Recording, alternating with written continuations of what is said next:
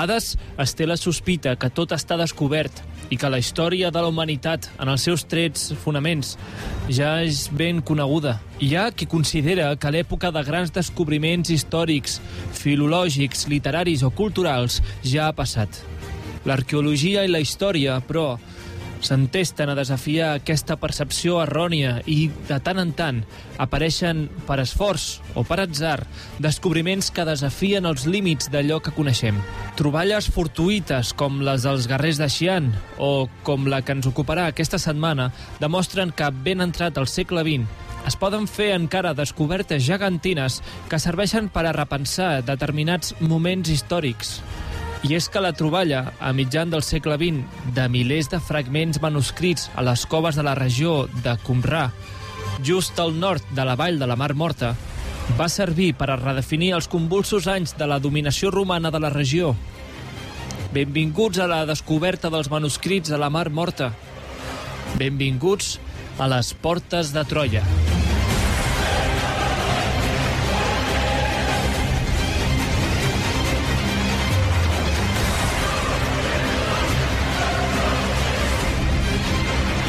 Benvinguts i benvingudes una setmana més a les Portes de Troia, el programa de ràdio i història des dels estudis de castellà de la xarxa de comunicació local. Avui per parlar sobre els escenis i els manuscrits de la Mar Morta. En aquesta segona part dels, eh, dels programes que l'Alberto està dedicant a precisament els manuscrits de la, de la Mar Morta, el seu descobriment i tota la seva gran importància. Uh, benvingut, Alberto Reche. Bones, què tal? Um, si et sembla, abans de començar, òbviament sempre recomanem als oients que s'escoltin el, el primer programa d'aquesta llarga sèrie, però ens faries un petit resum sobre el programa sobre la descoberta dels manuscrits de la Mar Morta, si Llar llarga sèrie, no? Perquè això, el tema el matem avui, eh? No, no, farem, no farem més programes. Oh. Uh, però sí, tornem, no? com en el dia de la marmota, a, uh, al mateix tema que la setmana passada. Com diu l'Albert, que és la veu de, del seny i de la raó en, en el nostre equip, l'opció lúcida és escoltar-se el programa de la setmana passada. Però, però si sou agents del caos i la destrucció, si esteu en el meu equip, jo pues, tirem amb el resum que faré ara i us estalviem una hora de la vostra vida. Petit resum del programa de l'altre dia. Uh, mitjans del segle XX... Uh, uh, prop de la Mar Morta, uns eh, pastors beduïns entren a una cova, eh, troben accidentalment dins d'una cova eh, una sèrie de rotlles de pergamí i de que eh, roben i intenten vendre al mercat negre a Jerusalem. Eh, aquests manuscrits van de mà en mà en una situació molt, molt rocambolesca fins a acabar a les mans adequades, que ho identifiquen com a eh, textos d'uns 2.000 anys d'antiguitat, no? textos bíblics d'uns 2.000 anys d'antiguitat, i eh, això crea un gran rebombori internacional perquè aquests textos eh, precedeixen en 900 anys els textos bíblics més antics coneguts. Eh, això portarà a que equips de, de recerca comencin a explorar altres coves de la regió i eh, s'acabin descobrint eh, diverses desenes de coves amb, amb manuscrits eh, complets o fragmentaris que faran que s'arribin a trobar pràcticament un, mi, un, un millar d'exemplars de, uh, de textos uh, bíblics i religiosos de molta diversa índole. Ara, el programa anterior el que vam fer va ser parlar una mica d'aquesta descoberta i avui intentarem esbrinar qui va produir tot aquest volum de textos.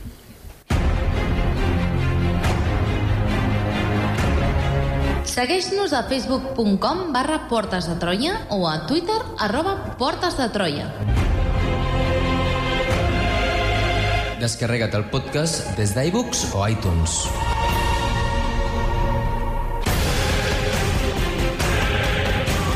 I descobreix tots els continguts del programa a la nostra pàgina web www.portesdetroia.cat.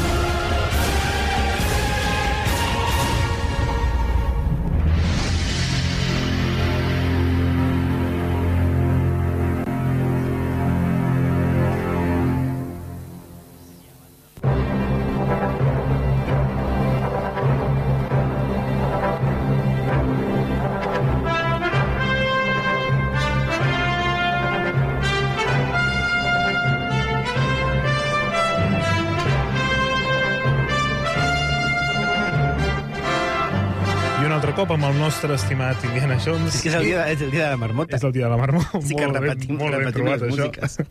Uh, havíem deixat aquesta història, Alberto, mai millor dit, a les portes del gran descobriment. Que, que bonic. que és preciós, com si estigués escrit. Uh, hi havia, evidentment, una gran, uh, una gran pregunta per resoldre. Amb qui calia relacionar els manuscrits que començaven a veure la llum?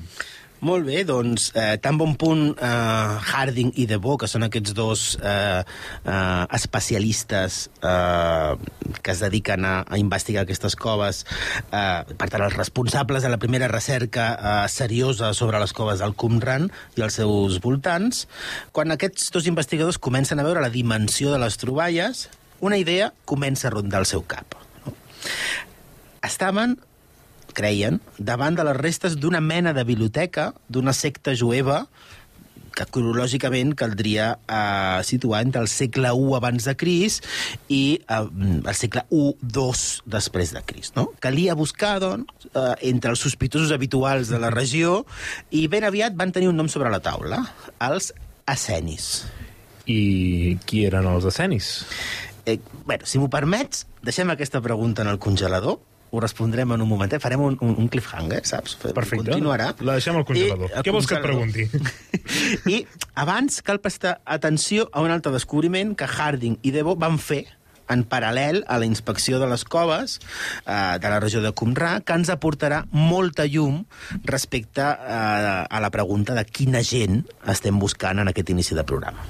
Ah, perquè amb els escenis? Doncs uh, endavant, Alberto. Doncs eh, resulta que a finals de 1951 eh, van tenir una idea que resultaria clau de, per tot plegat, no? Explorar unes ruïnes, unes restes que havia a prop de la cova on van aparèixer els primers... Bé, tampoc és una idea super original, no? Tenim unes coves, hem trobat coses a les coves, sabem que hi ha una, unes runes per aquí, um, eh, potser estan relacionades, no? Però ja sabeu que els arqueòlegs... Bueno, tampoc se'ls hi pot demanar més. Una abraçada. uh, l'indret en qüestió, no? hi havia una, es coneixia històricament que hi havia un, un, un, certes restes arqueològiques, ningú sabia ben bé què eren, prop de la cova on van aparèixer els primers manuscrits, i l'indret en qüestió es trobava entre els cingles on es trobaven aquestes coves i la Mar Morta. No? Fèiem el, cap al sud d'aquest cingle del, del Qumrà.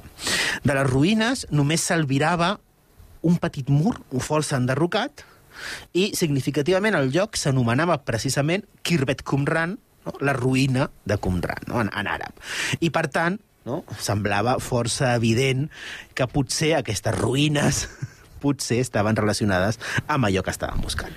I, I què se sabia sobre aquestes ruïnes? Sabem que possiblement estan relacionades amb les coves, amb aquests manuscrits, etc. però fins llavors què, què es coneixia? Bueno, tenien certa història, no? perquè a, a, a Terra Santa que no té, era el Pròxim Orient, que no té certa història, perquè sabeu que hi ha tot un, un, un, un passatemps que és intentar identificar uh, topònims i elements bíblics amb, amb, amb indrets reals, no? tota l'arqueologia bíblica que busca sistemàticament posar etiquetes a tot. No? Doncs l'any 1851 un viatger francès va considerar que, aquesta, que aquest mur eren les ruïnes de la Gomorra bíblica, mm -hmm. era el que quedava de la Gomorra bíblica, Francesa, sense ja gaire fonament. Sí, són molt de, eh, bueno, no sé si era més de Sodoma que de Gomorra, però en qualsevol cas, eh, sense gaire fonament, ell va dir que allò segurament aquell mur era la Gomorra bíblica, de la qual se sabia que no devia res, no? En general no se li va fer molt, molt cas de cas. Uh, el consens entre la comunitat arqueològica de la regió era també sense haver fet cap prospecció, simplement a ull, que podia ser alguna mena de petit fort romà poc important. Això és un mur aquí que no fa res, en una regió on tampoc viu ningú i ha vingut ningú mai, està, bueno, doncs està al, al, al costat de, de la Mar Morta, potser és un petit enclau estratègic romà per controlar la regió. Va, fins ara tenim un francès que ha dit que era uh, la Gomorra bíblica, uh, algun arqueòleg que ja ha fet un cop d'ull així per sobre, però quan s'escavi tindrà algun interès? Sortirà alguna coseta? Doncs el que trobaran serà ni més ni menys que una troballa espectacular. No? Sembla que aquests homes estan estan, tenen una flor al cul i tot el que troba, tot el que remenen eh, podria, haver posat remena nena Podria, podria ser Podria no ho he fet, però bueno. Què van trobar? Un gran edifici format per una vintena o una trentena de, uh, d'habitacions, unes 13 cisternes, és a dir, un, un subministre d'aigua per a una comunitat important, però la cosa no s'aturava aquí, sinó que a un costat de, de l'edifici, vora el mar, no? en direcció a la, a la Mar Morta, van trobar un cementiri amb més de mil tombes. Més de mil tombes. Més de mil eh, tombes. Més de mil tombes. Bien, antes todo esto era, antes todo esto era tumba.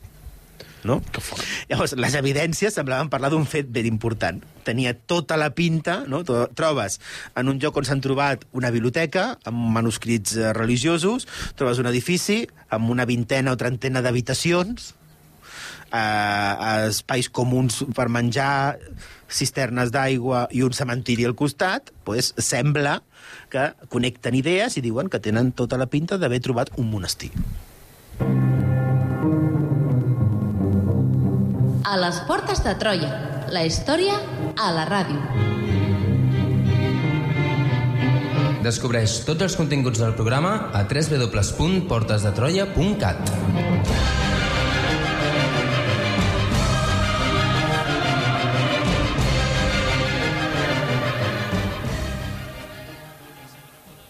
在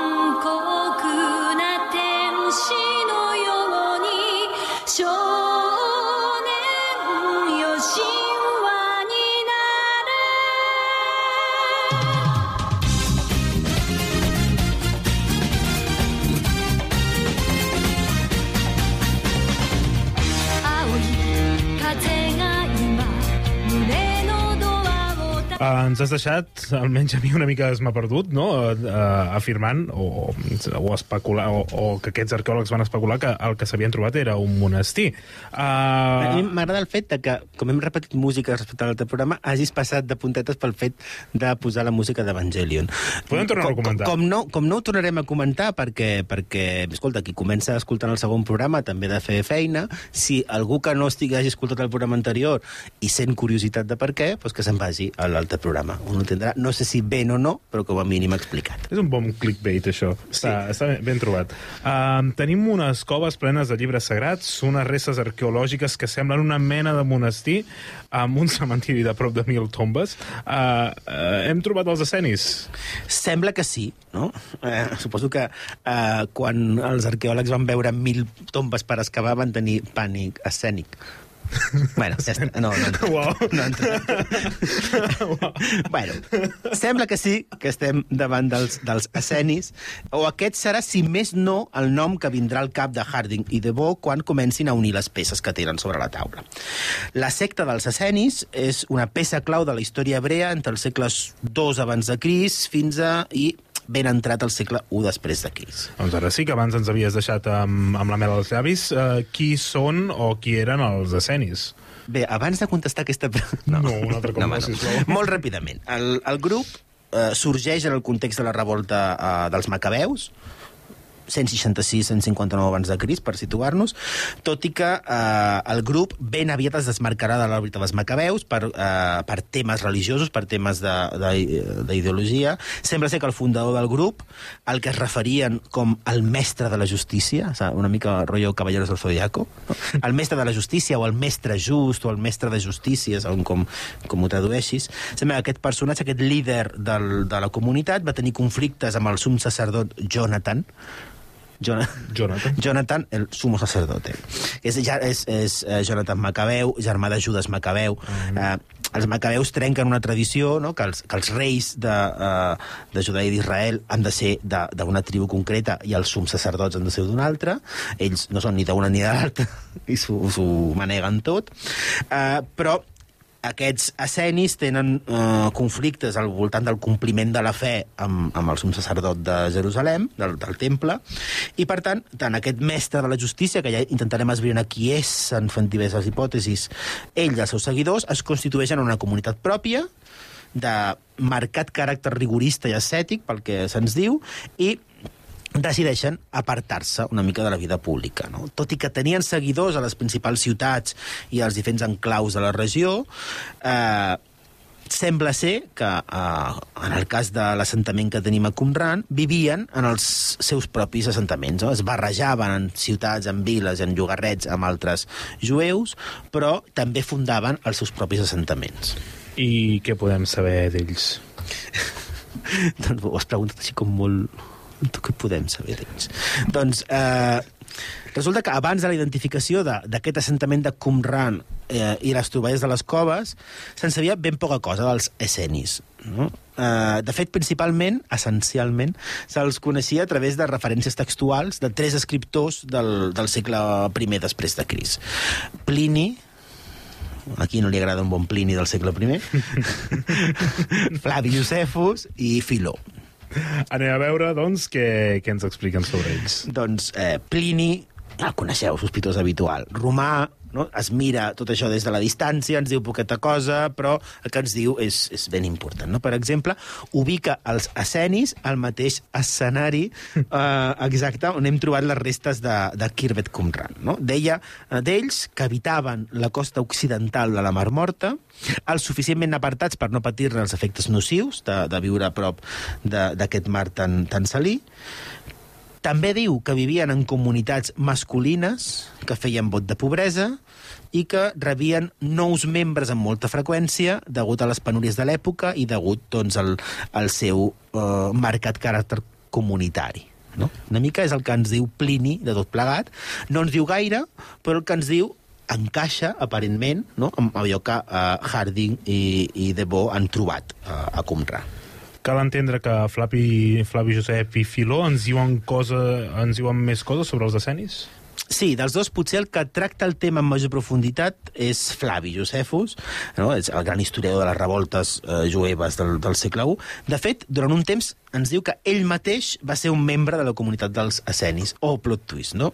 Clar, eh, podem considerar-lo un testimoni de primera mà. Mm. No? De fet, en- això no té, no té gaire mèrit, tu has fet com holo, però no té gaire mèrit perquè Flavi Josefus ens diu eh, era un home del seu temps, per dir-ho d'alguna manera. Ell veure, què- mateix, què vol dir ell això? mateix ens diu que en menys de 19 anys ja havia format part dels tres principals grups jueus de la seva època, que són bueno. els fariseus, els saduceus i els escenis. No, doncs ell amb 19 anys ens diu que ja ha passat pels tres. És, és com aquell amic que tens que passa per la CUP per Esquerra. I havia- i ha fundat un partit I local. Per, per, per, per, per, per, per PDeCAT. Eh? Per Ciutadans ja no, o lo siento. Mala suerte.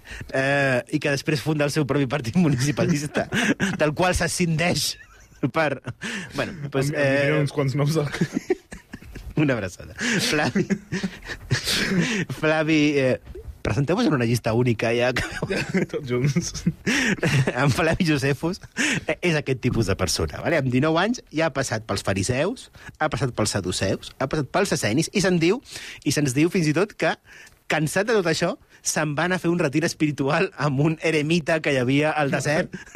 Per seguir, eh, va fer l'equivalent al viatge a Tailàndia, no? Ur- el viatge a la Índia. ur- Un urbanita anar- que es va, va trobar anar- ell mateix. o sigui, tu, jo me l'imagino queixant-se de les superilles de Jerusalem. Abans tot això era terra i ara m'han fotut aquí una palmera. Puto Herodes. bueno. Eh, De, de, de tota aquesta gent en qui es queda? Pues, pues en principi es queda uh, amb els fariseus, ¿vale? amb, amb, amb, la Amb la vella, amb la amb la vella i confiança, amb la, amb la vella i confiable convergència. es queda amb tries. en, qualsevol, Mira, no en, qualse, en qualsevol cas, es queda amb els fariseus, tot i que, no, ja sabem que com a part dels fariseus participa de manera activa en les guerres dels jueus contra els romans, no? serà l'historiador que també ens parla de Massada i tot això, tot i que al final de la seva vida, ell diguem que es retira de la, de la vida política i torna a una vida més ascètica, llavors torna com a, a recordar amb, amb estima i carinyo les seves, la seva joventut comunista, no? I, I per tant explica amb carinyo coses dels, dels escenis. Molt bé, i, i ara sí, deixem davant de la seva joventut esbojarrada i la seva vida de uh, urbanita pijo. Uh, què diu Flavi Josep sobre els escenis? Bueno, doncs diu que de tots els grups jueus, i, i de fet els coneix Els superbé coneix a tots. són A, mi- a militates. de militat, té carnet... A- Té, o sigui, eh, té un àlbum de carnets. Ell fa la col·lecció de carnets. De fet, anava, anava els diumenges al mercat de Sant Antoni a canviar el, els carnets que li faltaven.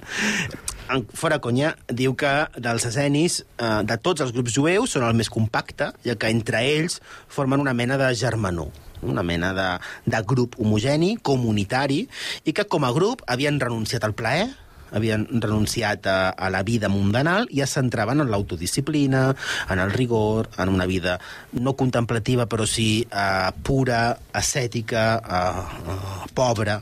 Per exemple, rebutjaven el matrimoni, però acceptaven els fills de... si venien ja fets. Això. Vale. Uh, si, uh, acceptaven els fills d'altres dins de la seva comunitat. De fet, si tu no acceptes la reproducció biològica, és l'única manera que tens de, de, de, de seguir De viu. Créixer. Acceptaven uh, fills d'altres per educar-los a la seva comunitat, renunciaven... I altres, altres uh, grups escenis que no són els de Conrà, que sí que accepten el matrimoni. Bueno, això canviarà perquè no seran un grup homogeni arreu de, de la regió.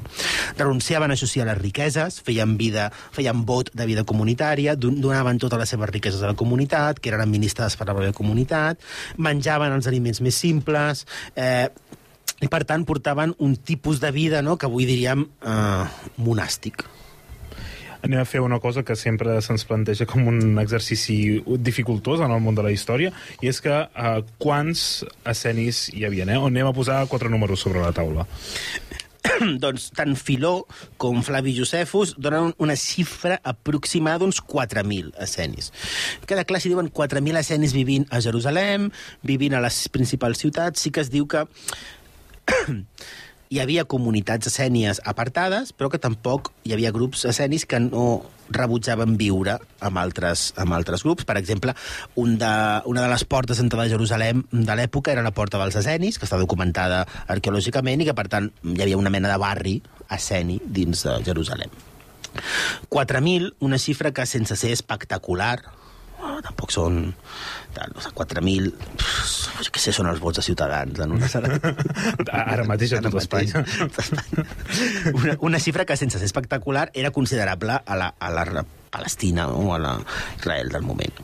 No es concentraven tots en cap gran ciutat en concret, es distribuïen per diferents llogarrets o com a Qumran, s'organitzaven en comunitats pròpies al, al voltant d'un edifici central on es reunien per menjar, això és important, ja veurem, no? i vivien de manera comunal i els seus nous membres eh, entregaven, com hem dit, totes les seves riqueses eh, i totes les seves propietats a la comunitat, que passaven a ser gestionades per un administrador, i tothom tenia les seves necessitats bàsiques cobertes. Eh, això és important, eh, eh, Flavi Josefus eh, insisteix molt en això, diu que, tot i que no, no formaven famílies, estaven cuidats com si haguessin tingut molts fills, no? perquè la comunitat cuidava dels seus ancians, i fins i tot eh, diu que la major part dels escenis arribaven a edats molt avançades, fins i tot eh, hi havia molts que arribaven als 100 anys, no? vull dir, una vida frugal, una vida sana, una vida cuidada no? i, i, i eh, en comunitat, que això permetia, no? que sorprenia a l'època que arribessin a edats molt avançades. Bé. I aquestes comunes de hippies jueus... no són tan hippies, eh? Són, són, són molt rigoristes, ja veurem que tampoc Anirem, són... ho anirem... eh, M'has de convèncer que no són. Uh, a què es dedicaven? No, per començar, si, si no hi havia sexe, No pot ser una no, comuna una, hippie. una, una comuna hippie... És veritat. Pots tenir... Tens el pitjor de la comuna, però sense el millor. Doncs a què es dedicaven? A, a cultivar la terra, a la cria del bestiar, a diferents activitats artesanals que cobrien les seves necessitats bàsiques. Bàsicament, aquesta comunitat del Qumrà era autosuficient. Una altra dada interessant que dona Josefus és que es dedicaven amb molt ímpetu i dedicaven molt de temps a la lectura i els comentaris als escrits de l'antiguitat del judaïsme. No? Eren, era, una, era una secta eh, que el que buscava era reflexionar sobre els textos bíblics, no? preparar-se per la vinguda no? de, del, del nou estadi de la religió jueva, i potser això encaixa també molt bé no? amb aquest context dels manuscrits de la Mar Morta, no? i potser si juntem aquestes dues referències, no? que dedicaven molt de temps a la lectura dels escrits de l'antiguitat del judaïsme, amb el fet de que conservem tants rotlles a les coves properes a aquest eh, assentament de Qumrà, doncs ja ens indica no? que eh, aquesta comunitat, aquest eh, jaciment arqueològic de Qumrà cada vegada estem més a prop de posar-li l'etiqueta no? de Esseni. Hi ha alguna característica més que vulguis destacar sobre aquesta comunitat? Bueno, o i- aquestes comunica Ja en comunitats? parlarem amb més detall, suposo, d'aquí una estona dels aspectes més ideològics del grup, però si seguim però una miqueta parlant dels aspectes merament tècnics o merament organitzatius, convindria destacar el paper fonamental que tenia la neteja dins del seu dia a dia. Per exemple, eh, eh, Flavi Youssef, uh, Flavi Youssef ens, ens diu que eh, excavaven letrines, no? que uh, ens, fa, fa, fa totes unes, unes explicacions fantàstiques de, de com gestionaven les caques, el qual era, és fantàstic. No? Gràcies. Escatològicament és fantàstic. També se'ns diu que es rentaven contínuament, que tenien uns hàbits d'higiene i de vestimenta molt marcats, molt regulats, no? i que potser en parlarem més endavant si el programa avança uh, sobre això, però tenien rituals de purificació amb aigua molt propers a, al que posteriorment serà el baptisme cristià. No? Ens movem en aquesta esfera de santedat, neteja, uh, per exemple, renunciaven al, als olis corporals, no? al, als perfums, al, als ungüents, o també, i això era molt significatiu perquè els allunyava de la resta de jueus, els sacrificis animals aquests sacrificis animals presents dins els rituals de, de les altres sectes jueves, eh, els escenis en la, la seva evolució ideològica, acaben rebutjant aquests sacrificis animals. I, de fet, aquesta característica els allunya del temple de Jerusalem, on al pati d'aquest temple es feien els sacrificis animals, no? I, per tant, els escenis, tot i ser una de les importants, potser la més petita, però una de les importants sectes jueves, estava allunyada del temple perquè eh, al temple es feien coses que ells no reconeixien com a pròpies. A més, la seva, el seu líder eh, i el seu creador s'havien amistat amb el sum sacerdot del temple de Jerusalem i, per tant, no, la, pròpia, la, la pròpia comunitat, tot i que era jueva, no reconeixia no, la, la institució i l'edifici més important del judaïsme, com era el temple de Jerusalem. I ara que s'ha encetat el tema, hi ha alguna cosa a nivell doctrinal, alguna diferència més amb les altres sectes jueves que vulguis destacar? Per exemple, sí, unes quantes, eh, però no, no... Anirem passant molt de volada perquè, perquè són temes feixucs i, i, i tal, però, per exemple, mentre els saduceus no creien en la, immo- en la immortalitat de l'ànima, els escenis sí que ho feien. No? En general, el sentit comú eh, entre els jueus era considerar els escenis com un grup de, de setes re- retirats del món i que per mitjà d'una vida comunal, d'una vida en comú, cercaven la purificació de les seves ànimes, no? la purificació dels seus cossos, la purific... però sobretot per purificar les seves ànimes perquè creien que les seves ànimes eren immortals, cosa que altres jueus de l'època no creien, i per tant creien no? que hi havia una vida més enllà de la mort. I a què es podria deure aquesta actitud dels escenis? s'han dit moltes coses, no? però jo partidari de vincular-lo com gairebé tot sempre en, en, en història, al context de la seva època i als esdeveniments de la seva època, no? I cal entendre-ho en, en aquesta clau, no? Perquè si descontextualitzem eh, els fets de l'època, caiem molt fàcilment en qüestions d'espiritisme, història oculta, eh, secta, pseudociència, no?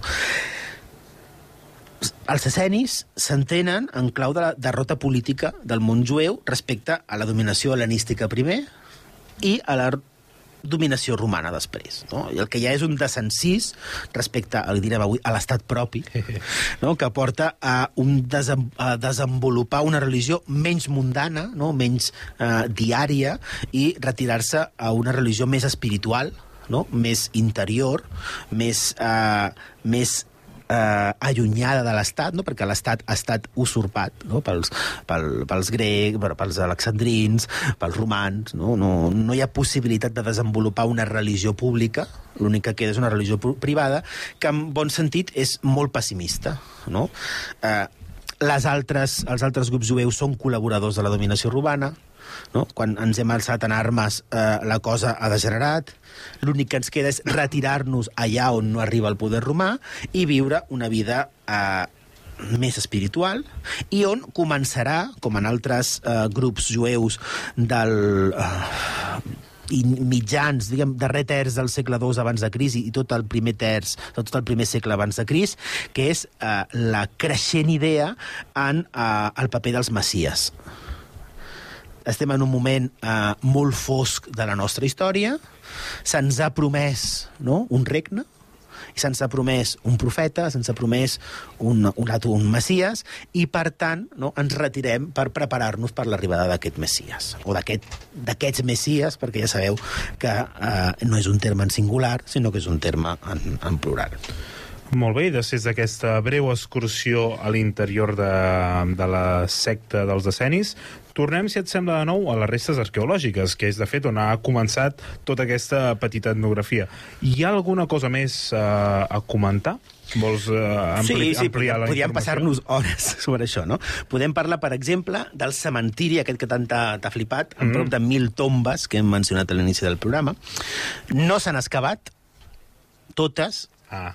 És que mil molt menys són totes, moltes, són clar, mil tombes al desert, t'has de... molts becaris, eh? Molts, molts, has d'enganyar a molts estudiants de primera carrera per, per, per anar allà a piqui-pala, I piqui-pala. que es canvin i després els convides a mig menú, al- a l'únic restaurant del poble del costat. A mig menú. A mig menú, sí, això, sí. Però això és autobiogràfic? Això és autobiogràfic. A, a mi, jo quan he anat, eh, jo quan vaig anar, el menú era complet, però bueno. Bueno, és que... Bueno, Alberto... Bueno, però clar, és que han passat molts anys. han passat molts anys. diferència. La, la precarització de la precarietat, no? Encara, encara més.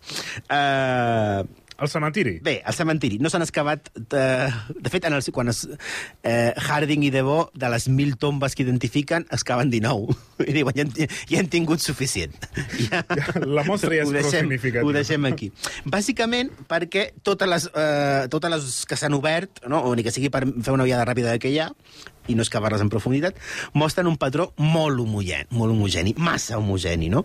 Un cos que reposa sobre la seva esquena, caps orientats al sud, mans creuades sobre la pelvis o bé esteses als costats del cos, i el que més sorprèn potser, no, quan tu penses, tu algú mitjanament afeccionat a, a l'arqueologia, no cal que sigui professional, però mitjanament afeccionat, li dius, s'ha trobat un cementiri amb mil tombes, i tu dius, hòstia, el que sortirà d'aquí, no? Aixovars funeraris, objectes, no sé Joies, què, joies, està, cavalls, no? Carros. cascos, eh, no, no sé, de tot.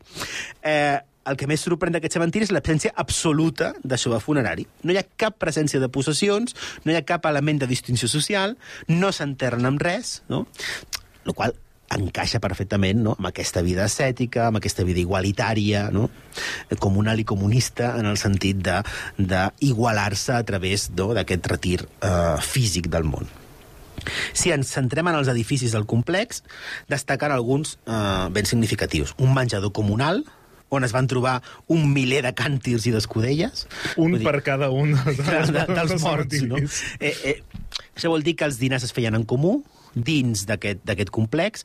Eh, fora d'aquest complex d'aquesta vintena, eh, trentena de, de grans habitacions es van trobar restes d'edificis de palla o de, o de fang, que encaixa amb la gent que, que estava sent aprenent, no? que encara no havia estat acceptada a la, a la secta, perquè era un procés que durava entre dos i tres anys, ser lo suficientment apte per, per entrar a la comunitat.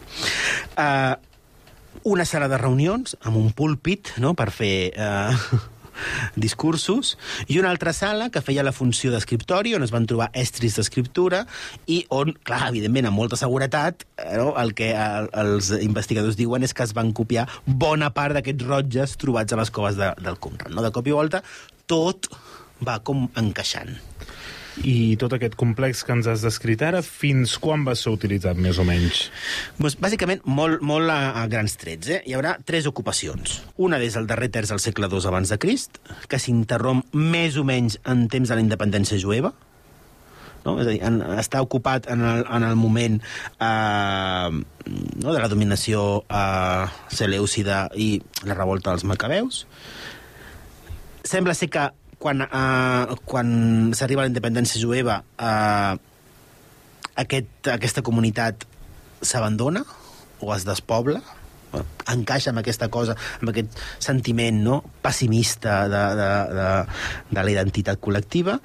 Tornem a veure com s'ocupa eh, el regnat d'Herodes el Gran, no? és a dir, quan arriba la dominació romana, eh, el complex torna a ser ocupat i aquesta segona ocupació dura fins a la primera revolta jueva no? la, dels anys, la, la del Tit, no? dels, la dels anys 60, 70 del, del segle I després de Crist, on sembla que la comunitat va ser desallotjada militarment pels romans i va ser, uh, va ser desmantellada. I després hi haurà un tercer moment d'ocupació, que segurament ja no cal relacionar amb els escenis, però que coincidirà amb el context de la revolta de Bar Kokhba, no? de, de nou quan, uh, quan cal no? tornar als indrets fortificats, quan cal tornar als indrets allunyats, es troba en aquest complex, no? que és igual que aquelles quatre coves no, que desentonaven una mica amb la resta on s'havien trobat eh, estrats d'època de, de, de la revolta i fins i tot aquella carta tan, tan xula, doncs la zona torna a ser ocupada. No? Però això ens dona una ocupació de mitjans segle II abans de Cris fins a la primera revolta jueva pels escenis i després un reaprofitament de les instal·lacions pels rebels de, de Bar Kokhba. A les portes de Troia. Descobreix la teva història.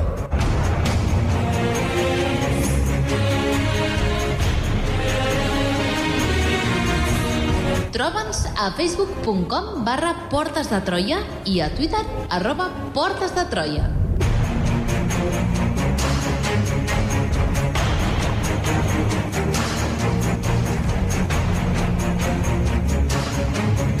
que me odien, que me claven en su cruz. Y yo quiero ver, yo quiero ver mi Dios, yo quiero ver, yo quiero ver mi Dios. Quiero saber, quiero saber, Señor, quiero saber, quiero saber, Señor. Si he de morir, dime si es porque de ser mejor de lo que fui. Dime si mi vida con la muerte de cumplir. Yo quiero ver, yo quiero ver mi Dios. Yo quiero ver, yo quiero ver mi Dios. Quiero saber, quiero saber, Señor. Quiero saber, quiero saber, Señor. Con morir que voy a conseguir. Encetem la recta final del programa i comencem a relacionar el contingut dels manuscrits de la Mar Morta amb els escenis. Hi ha alguns textos que ens, eh, en els que ens haguem d'aturar per, bueno, per comprendre aquesta relació? Clar, ara el que farem serà juntar els dos programes. Les dues, com deia, com deien al PP, les dues línies d'investigació que, que teníem. Eh, per una banda, aquestes troballes de manuscrits, i ara hem dedicat a intentar identificar la comunitat que els crea, doncs ara anem a juntar, no? comunitat i textos. Eh, I ja ho hem, ho hem anat dient, però no, no està de més repetir-ho, bona part dels textos d'aquestes coves del Qumrà, a la Mar Morta, cauen en la categoria, diguem-ne, de textos bíblics. No? Pràcticament tenim documentat o documentades versions de tots els llibres de l'Antic Testament no? tot el, el Tanakh, de, um, aquesta, aquests llibres de la, que conformen la Bíblia jueva. Així com comentaris sobre, sobre aquests textos i altres textos que considerem, no?, alguns apòcrifs que no formen part del, del cànon oficial um, o altres que són comentaris o textos una mica més estranys, però que cauen dins d'aquesta categoria de textos bíblics. D'una altra banda, tenim textos que ens donen detalls sobre les característiques i sobre el funcionament de la comunitat que va crear els dipòsits de llibres. No? Aquesta comunitat de les restes de la qual s'identifiquen amb aquest, aquesta mena de monestir, no? O sigui, utilitzem aquesta etiqueta perquè ens és operativa que hem mencionat abans. I en aquest grup jo destacaria dos llibres per la seva importància i perquè tenen un, un no, però l'altre té un, un nom que, que ho mola tot, no? Serien el Manual de Disciplina Nom normalet? i el que no, no és el nom del llibre, però uh, uh, uh, Sukelnik, quan, quan fa aquella roda de premsa mostrant aquell, aquells primers rotlles complets, uh, li posa aquest nom uh, pel contingut del text, que és La guerra dels fills de la llum contra els fills de les tenebres, que, que sona una mica com a, com a volum, uh, volum 8 de la nova trilogia de Brandon Sanderson, no? Saps? És com una mica de... Uh, uh, té un nom com de fantasia Èpica. èpica no? La guerra dels fills de la llum contra els fills de les tenebres. Comencem pel senzillet, comencem pel manual de, de disciplina. Va, comencem per el manual de disciplina, o la regla, manu... s'ha traduït per altres noms, no? la, la regla monàstica. Bueno. És bàsicament una regla monàstica, no? o una regla de comportament. És un manual de regles de com havia de funcionar el dia a dia de la comunitat de Qumrà. I això és molt important, ja que aquest manual de disciplina, no? aquest, aquest llibre d'instruccions de com funciona la, la vida de, dels escenis, ens confirma gairebé sense cap dubte que la comunitat vinculada als manuscrits de la Mar Morta són ara sí ho podem afirmar pràcticament sense eh, marge d'error, la secta dels escenis. I aquesta afirmació tan categòrica, com la podem demostrar? Com, com es pot saber aquesta relació tan directa? des, des de quan les afirmacions categòriques s'han de demostrar, no? Bueno. Es pot demostrar. Bàsicament perquè el contingut d'aquest manual coincideix fil per randa amb el que Flavi Josefus explicava sobre el funcionament de les comunitats escènies. No? Ell deia, quan jo vaig ser esceni, això, els escenis funcionaven així. Feien això, feien això altre, tenien aquestes normes, tenien feien no sé què, feien aquesta festa, feien a l'hora de banyar-se es baixaven així, a l'hora de vestir-se es vestien així, i resulta que eh, coincideix tot el que explicava Flavi Josefus a, a, a la, al darrer terç del, del segle I després de Cris, coincideix amb aquesta guerra mona... amb aquesta guerra, amb aquest text monàstic, amb aquesta regla monàstica... Has molat, una guerra monàstica. Una guerra monàstica, sí. La guerra dels fills de la llum con, contra els fills de les tenebres. Seria una guerra monàstica. Els monjos blancs contra els monjos negres. Sí. Sí. benedictins contra dominics, no? És, eh, com si fossin tribus urbanes Uau. I, i, i fessin batalles de galls, no? eh, cantant cant gregorià. No? Allà, en plan... Hòstia, seria com un West Side Story xungo. Molaria molt. Hagués estat bé. Ma, uh, guardem la idea en un calaix. No, guardem la idea En un congelador. En un, guardem la idea dins dins d'un recipient ceràmic. Emboliquem-la en una tira d'allí, eh, fiquem-li eh, una capa de cera de i quitrà, no? fiquem-la dins d'un recipient ceràmic, segegem el recipient ceràmic i pugem al, a, lo, a lo más alto de la más alta cueva Del d'un lloc, eh, lloc, lloc inhabitat, Mm, Montseny? Montseny, i tanquem-la allà. I a veure què passa, idea. i a veure què passa d'aquí d'aquí 2.000 anys. anys algú la obri i digui, però, però què està passant? En qualsevol cas, aquesta, aquest manual de disciplina confirma tot el que Flavi Josep havia dit que feien els escenis. No? Llavors, tot i que en cap document de Qumrà s- eh, se'ls utilitza aquest nom, hi ha, hi ha sospites de que és un nom que no és propi, sinó que és la manera que es referien a ell. Eh, Els escenis, eh, hi ha diverses versions de què pot significar, una d'elles és com el, els purs, els sants, no? és com un nom despectiu que els hi donaven, eh, els repipis estos. Mm. Eh, en qualsevol cas, amb aquest manual de disciplina tenim detalls sobre com funcionava l'entrada a la secta, el període de prova de dos anys, eh, o que, en el que sotmetien els aspirants, no? aquests, aquests nens que agafaven, o aquests joves que agafaven i entraven a la comunitat, passaven un parell d'anys com una mena de padawans avorrits, no? O sigui, com sent un padawan, però sense tot lo xulo que és tenir la coleta I i, l'espasa làser, no? I, I que el teu mestre sigui un, un, una mena de cap gros verd que, que parla raro. Uh, Bueno, vull de saber com era el mestre, que abans has dit... No sé com El mestre dit. de la justícia. Això, el mestre de la justícia. Bueno, potser que, però per mi mestre de la justícia seria més... Eh, uh, qui seria? Mestre de... Una mano al rei així xunga. O... No sé, però di- di- dins del Consell Ah, del Jedi, con- Mm. clar, qui seria el mestre de la justícia? Aquell que té el cap llarg. No recordo com es diu. Podria, podria ser, perquè aquell, aquell sí, Fa cara. fa cara. En qualsevol cas, de, després de... Jo, per mi seria més Windu. Però bueno, Sí? sí. Però bueno, això ja ho discutirem. Ja en parlarem després, Ja, ja en parlarem després. Eh, aquest manual de disciplina dona detalls sobre coses super random, com els dinars i els sopars en comú, com es feien aquells sopars, com es netejaven, com es feien aquestes cerimònies en aigua, quins vots es feien, no? que, quins vots feien tots els escenis que entraven a la comunitat, no? i una infinitat de coses, com per exemple eh, mm, eh, coses molt rares d'aquest manual de disciplina que comencen a apropar-nos a l'altre llibre, que és el que segur que tots voleu saber de què va, que és el, aquest de la guerra dels fills de la llum contra els fills de les tenebres. Uh, que, és, repeteixo, és un nom inventat pel senyor del segle XX que va, que va donar la, fer sortir la llum el text. Molt bé, i, i què, què ens expliques sobre aquest llibre? disciplina, eh, entre altres coses, divideix la humanitat en dos grups antitètics. Aquells dominats per un esperit de llum, els escenis, no? els, els bons jueus, i aquells que són dominats per un esperit de les tenebres, per la violència. No? Uh, I això... els, com els a- jedis i els... Sí. i el Sith. Um, ara ja entenc on s'origina tot el món de, de Star Wars. Bueno, no, no només el de Star Wars, però en fi, uh, això ens porta, ja ho has avançat fa un moment, al segon llibre, no amb aquest nom tan èpic, amb aquest nom tan um, lluminós i tenebrós alhora, no? La guerra dels fills de la llum contra la, els fills de les tenebres. Clar, aquest, com dèiem abans, el nom que el professor Sukenik, no, aquest uh, professor de l'escola hebrea, jo m'imagino, ja tota la vida entre manuscrits, eh, eh, no, eh, fent comentaris a textos bíblics, de cop i volta li arriba això, aquest text raríssim i diu, ara deixaré anar la meva vena, Vena poeta, creativa. poètica, no? Eh, eh, el Hobbit, eh, la, eh, la història de- d'una ida i d'una vuelta, no? O sigui, així, és, és, de, cop i volta els professors, els filòlegs, quan, quan deixen volar la imaginació, surten coses espectaculars. Mm -hmm. Bueno, eh, Sukenik posa aquest nom a un dels textos apareguts a la primera de les coves de, de Qumran. És un llibre de tipus apocalíptic, Comencem molt bé. on se'ns parla d'una guerra eh, entre els essenis i, o entre els jueus i els Kitim. Kitim, que sona com a mena de raça fantàstica, que és un terme que en origen identificava els habitants de Kition, a, a, l'illa de Xipre. Una raça fantàstica. Però els cipriotes, que, que, quina raça més fantàstica, no? però que eh, en el context jueu de l'època, del tombant del canvi de mil·lenni, havia passat a identificar a qualsevol invasor estranger. No?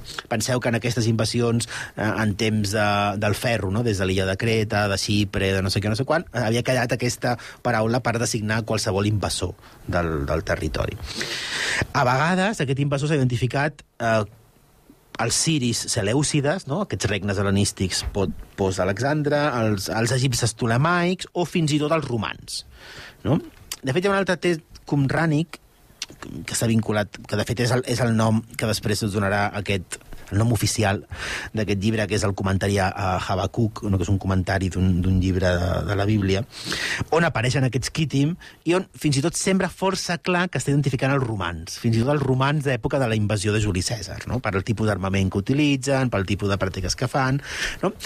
Aquest llibre, sobre la guerra dels fins de la llum i els fins de les tenebres, ens parla d'un personatge ben estrany, aquest mestre de la justícia, mestre just, Miss Window, com li voleu dir, que és eh, el líder espiritual de, precisament de la secta dels ascenis, no? d'aquesta escissió del món jueu, que és un personatge fascinant, no? té revelacions divines, condueix la comunitat, es considera un mestre elegit per Déu, no? es considera que ell i els escenis seran els responsables de forjar una nova aliança no? entre Déu i, la, i, i el seu poble, no? igual que hi ha hagut la vella aliança no? de l'arca de l'aliança, tornant a, a Indiana Jones, eh, ells forjaran no? un nou pacte amb, amb Déu i la comunitat, i que és una figura ben esquiva, no? però que eh, comença, comença a, a agafar aquests tints messiànics. No? S'ha parlat molt sobre qui podia ser aquest mestre uh, de la justícia. Està, sembla ser que es pot identificar certs contextos, certs contextos històrics que no entrarem en el convulsa història de, de, de l'Israel de, de principis de, o de principis del segle I abans de Crist, però sembla bastant uh, identificat un personatge que en aquest convuls magma espiritual del judaïsme de finals del mil·lenni comença a identificar-se no, doncs amb la nova vinguda de l'aliança amb Déu, la nova comunitat dels justos, un, un nou mestre que ensenya un nou tipus de religió, eh, i que fins i tot comença a identificar-se amb aquesta figura del Messies. I el primer nom que ens ve al cap és Jesucrist. Estem parlant d'ell? Sí i no. Ai. No, clar. Eh, de fet, eh, Crist, no? el, el, el Crist de Jesucrist simplement eh, és la versió en, en, eh, en grec del terme Messias, no? que vol dir l'ungit. No? És, és aquell que està ungit no? amb l'oli de la sacralitat i que, per tant, no? té un nexe eh, especial amb la divinitat. Llavors, Jesús de Nazaret no és més que el darrer d'una nodrida llista de Messies, no? I ni de bon tros va ser el primer personatge ens identificat amb aquest apel·latiu, tot i que hagi quedat no? dins l'imaginari col·lectiu posterior com el Messies en majúscules. Aquest mestre de justícia esceni, que va, que va viure un parell de generacions abans de Jesús, ja havia ostentat aquest títol de Messies, com altres personatges varis de, de la història contemporània d'aquell moment, però que, clar, eh, a mesura que n'hem parlat, a mesura que, que es van descobrint, i això passa a mitjans del segle XX, que es van descobrint aquests nous textos escenis, comença no, a haver-hi un rum-rum molt raro, no? perquè són dos personatges que s'assemblen una mica. I anem a explotar una mica més aquestes semblances, no? Amb què més eh, s'assemblen uh, Jesu, uh, Jesucrist i aquest mestre esceni, mestre Jedi, mestre de la justícia? Clar, que, que en què s'assembla eh, eh, Jesucrist i Sailor Moon, no? És com dos, Hòstia, que queden com una mica de... que, que els, els, hi quedaven molt bé les... Vaja, no t'imagines? No, bueno, la, bàsicament, la identificació amb la llum i la lluita contra les tenebres, el camí cap a una salvació eterna, no? els escenis creien en aquesta uh, immortalitat de l'ànima, l'existència fins i tot sembla ser que creien en un judici final on el Messies dividiria el món, l'existència d'un grup d'escollits que es mantenen sants mitjançant uns àpats cerimonials comuns i sagrats. No? Això ens, ens recorda automàticament a l'Eucaristia. De fet, els escenis tenien, pel que sembla el manual de disciplina, unes regles molt concretes de com s'asseien a, a la taula per sopar, no? i quan, quan uh, hi ha alguns, uh, alguns paràgrafs dels evangelis quan parlen de com s'asseuen els apòstols al sopar, sembla que hi ha una petita disputa perquè estan pervertint no? l'ordre que toca si fossin escenis, per exemple. La purificació que atorga el baptisme. No?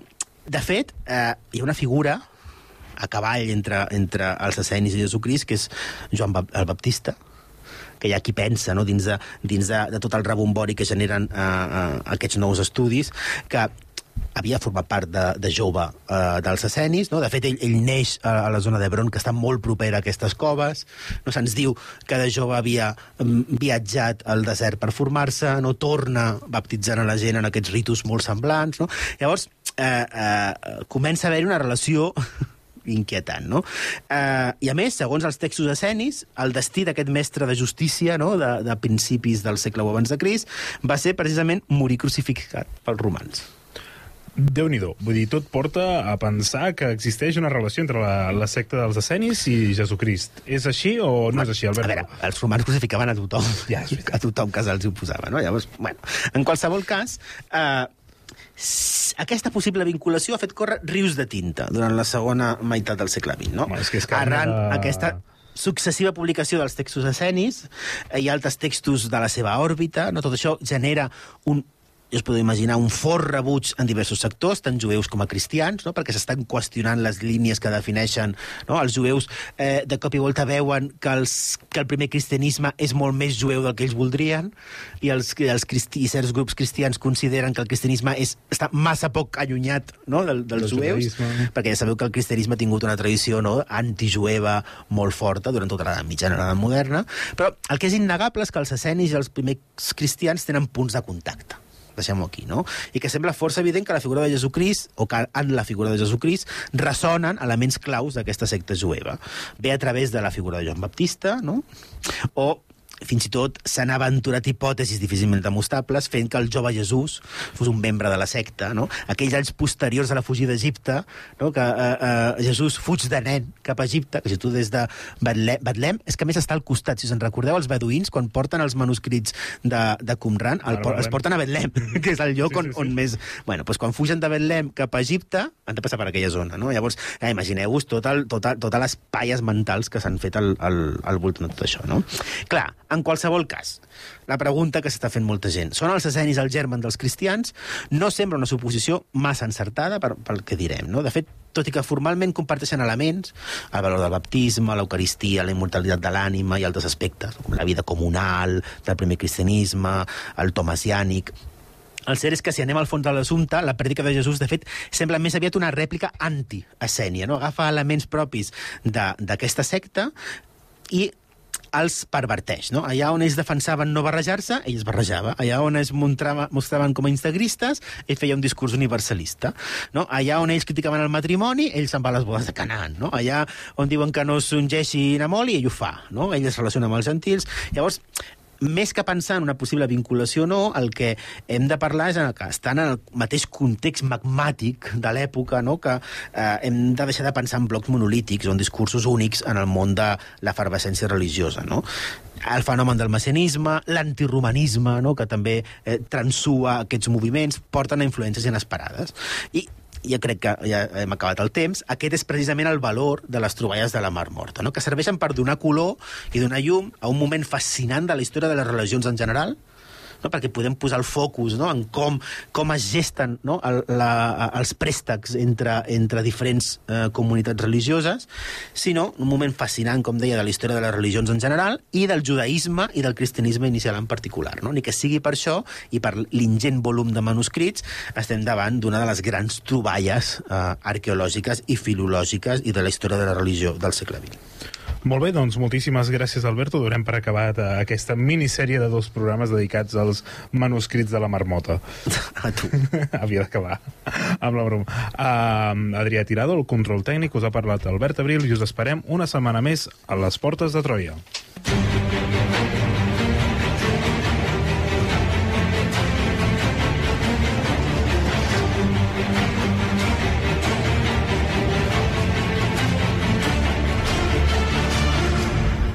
Portes de Troia, amb Alberto Reche, Sergio Rodríguez i Albert Abril.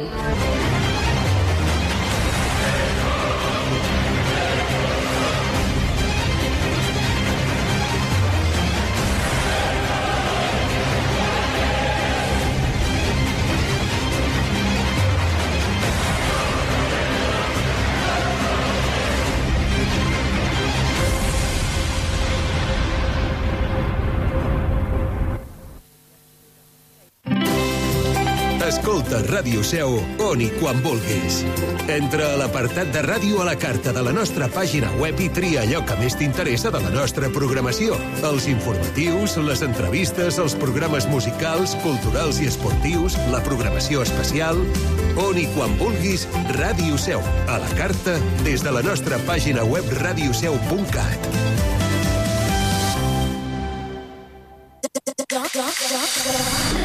Radio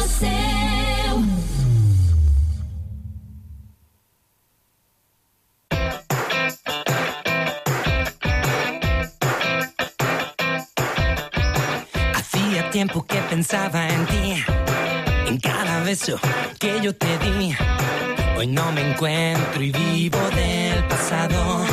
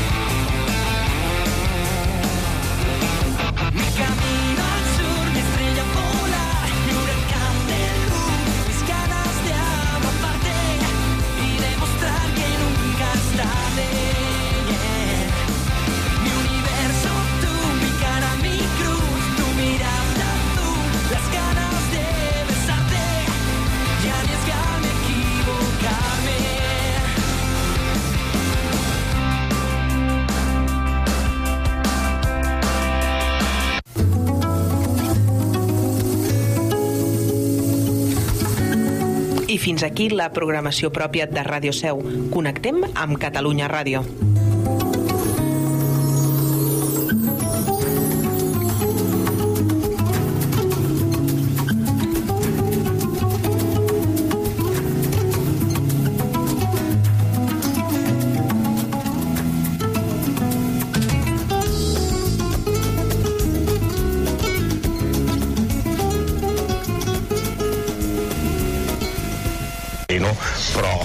Pepino, però, però un pepino grandiós.